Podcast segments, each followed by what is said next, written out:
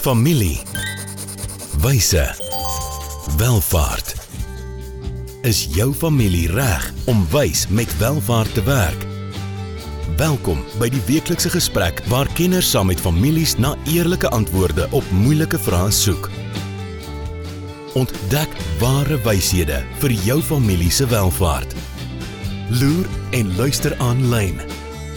RUG, wysheid vir ware welvaart. Baie baie welkom terug by nog 'n episode van Familiewyse Welvaart.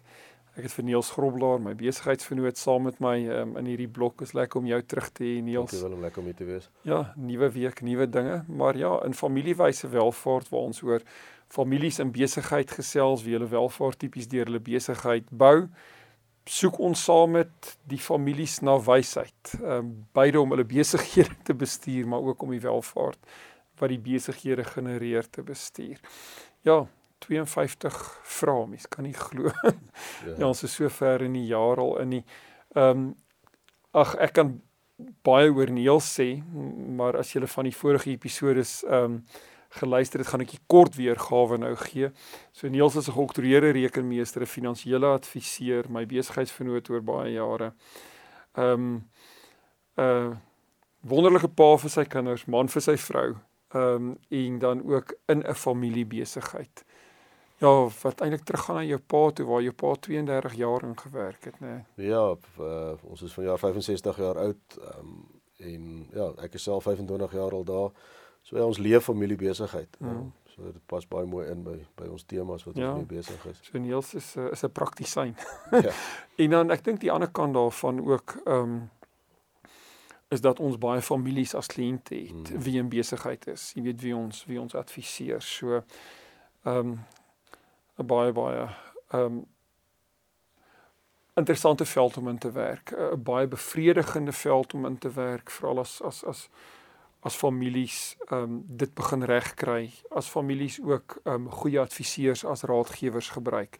Weet om hulle te help om as familie saam in besigheid ehm um, 'n bepaalde visie na te jaag en ehm um, deur hulle verskille en moeilikheid hmm. te kan werk.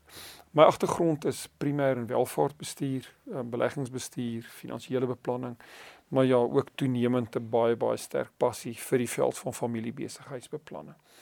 Goed, nege temas, ons is in tema 6 kombinasie van familie en besigheid. En besigheid, ja. ons ja. moet vir albei kies. Ja, joh, en ons is deur 'n klomp episodes. Ehm um, episode 35 waarmee ek en Niels hierdie blok begin het. So betrek ons ons kinders in besigheid. Ja, 36 Niels.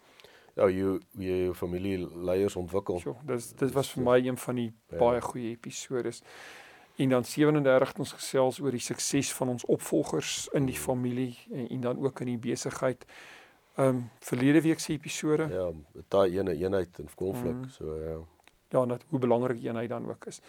Goed, so waaroor gesels ons vandag? Ja, dis dis miskien 'n effens 'n negatiewe begin, maar ek dink 'n baie realistiese begin hmm. en die, die vraag wat ons vra is wat is die tekens dat jy dat jy besig is om beheer oor jou familiebesigheid te verloor? Ja. En ek dink die konteks daarvan is dat mens hier kyk het 'n oog van 'n familie wat nie meer so intens op die dag tot dag bedrywighede van 'n besigheid betrokke is nie, so hulle is amper meer beleggers as wat ja. hulle bestuurders is. En, en en wat is die rooi ligte, oranje en rooi ligte wat wat mense nou moet kyk? Ehm um, hmm. waar jy in so so 'n situasie sit. Ja. Ek dink die konteks wat Niels hierso gee is ontsettend belangrik. So dis 'n familiebesigheid wat dalk deur geslagte in die familie is, maar die hoofuitvoerende beampte in die besigheid is tipies nie noodwendig meer 'n familielid nie die besigheid word professioneel deur bestuurders wie nie familie is bestuur. En nou staan die familie aan die buitekant, hulle ontvang dividende en allerlei goed, maar ehm um, hulle weet nie noodwendig ehm um, of of die beheer binne die besigheid nog goed uitgeoefen word nie. Ja. ja.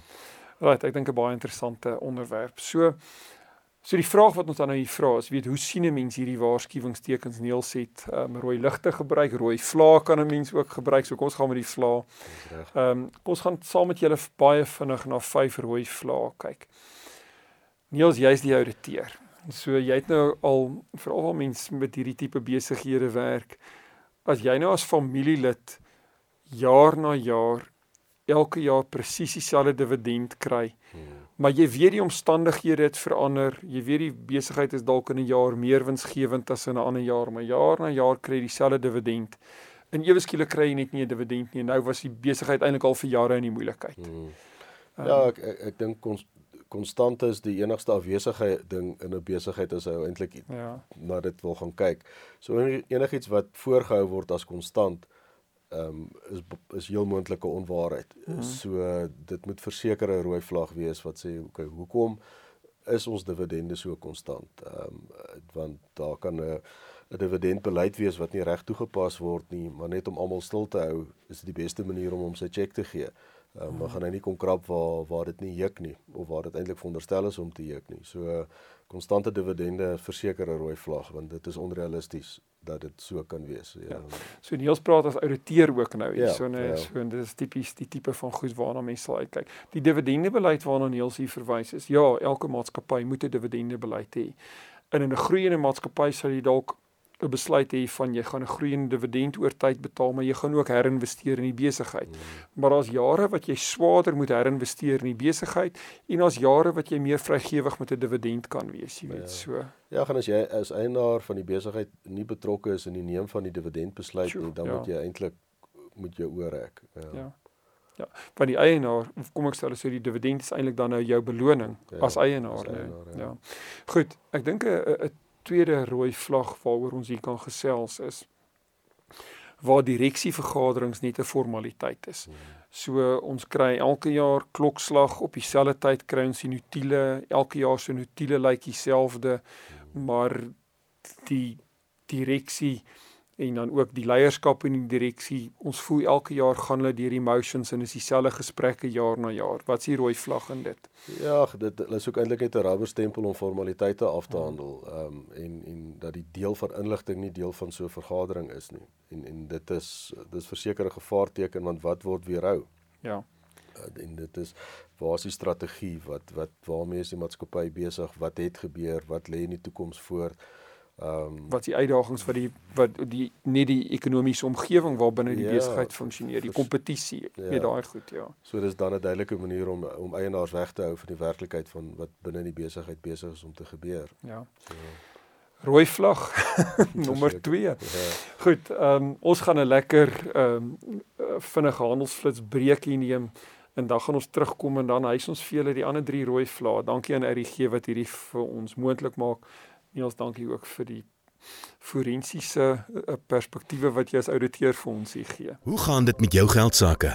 En met jou, jy sien, in die soeke na wins, vergeet jy soms om jou beleggings met jou waardes te belyn. En dis wanneer dinge begin skeefloop. So, het jou beleggingsportefeulje waarde en ook waardes. RUG Adviesdienste sorg dat jou beleggings by jou pas, sodat jy trots kan wees op elke maatskappy waarin jy belê. Hoe jy geld maak, maak saak. Belyn jou beleggings met jou waardes. Kry jou finansies op koers met 'n persoonlike padkaart na ware welvaart. RUG. Wysheid vir ware welvaart. Raai, dankie aan RUG vir hierdie vir ons borg. En ons is terug om na oorblywende 3 ehm um, rooi vlae te kyk. En die rooi vlae gaan daaroor, jy weet, wat is tekens, weet dat jy beheer oor jou familiebesigheid, ehm um, jy besig is om beheer te verloor.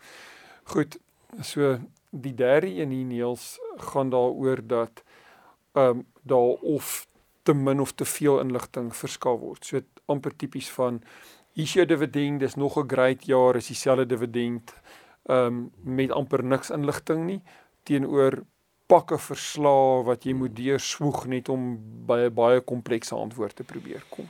Ja, dit hang af baie van die van die finansiële savvy van die van die eienaar, van die beleggers, van die familie. Ja. Ehm um, en weer eens ons verwys baie keer na spesialiste in die vorige gesprekke oor hmm. baie van die emosionele goed waar waaroor mense leiding moet hê en ek dink hier moet 'n belegger, familielid belegger ook weet dat hy die reg om dat professionele persone om adviseer uh, rakende die inligting ook. So as dit 'n hmm. magte om inligting is wat geprosesseer moet word, laat dit gedoen word deur iemand vir wat sy versin maak. Hmm. As dit te min inligting is, laat die laat die regte inligting gevra word.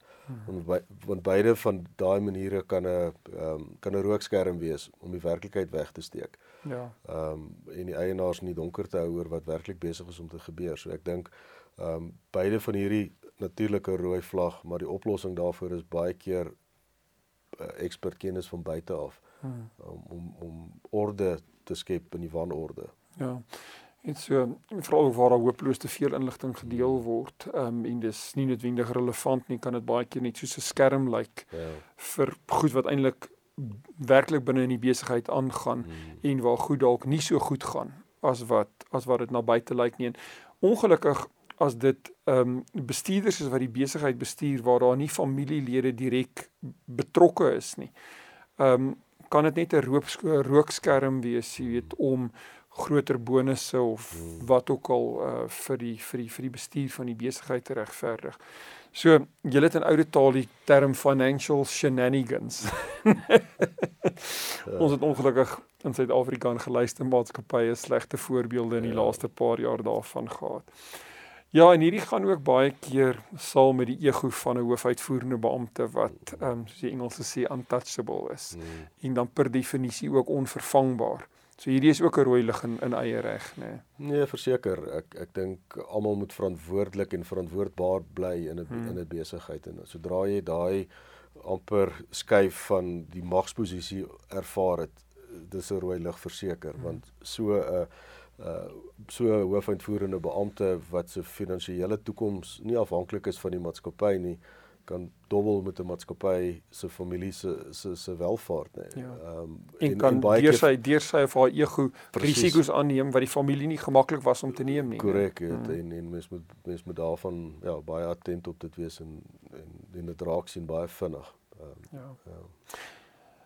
Goed, en dan die laaste ene in dit is waar die familie die gevoel kry dat alhoewel daar vir hulle gesê word alles gaan goed in die besigheid ehm um, hulle op 'n afstand gehou word. Nie net ehm um, dat inligting van hulle weerhou word nie, maar weet dat hulle nie so gemaklik uh die besigheidsperseel kan besoek ehm um, interaksie met uh, personeellede van die besigheid kan hê nie ehm um, weet nie uh, vergaderings maklik kan bywoon nie. Weet die oomblik wat jy wat jy sien as familielid jy weet jy word doelbewus eintlik op 'n afstand gehou moet jy weet hier's groot moeilikheid. Seker ja nee dit is gaan oor deursigtigheid. Ehm um, so jy mag dalk nie in bestuur wees nie, maar jy is nog steeds eienaar. Ja. So ja.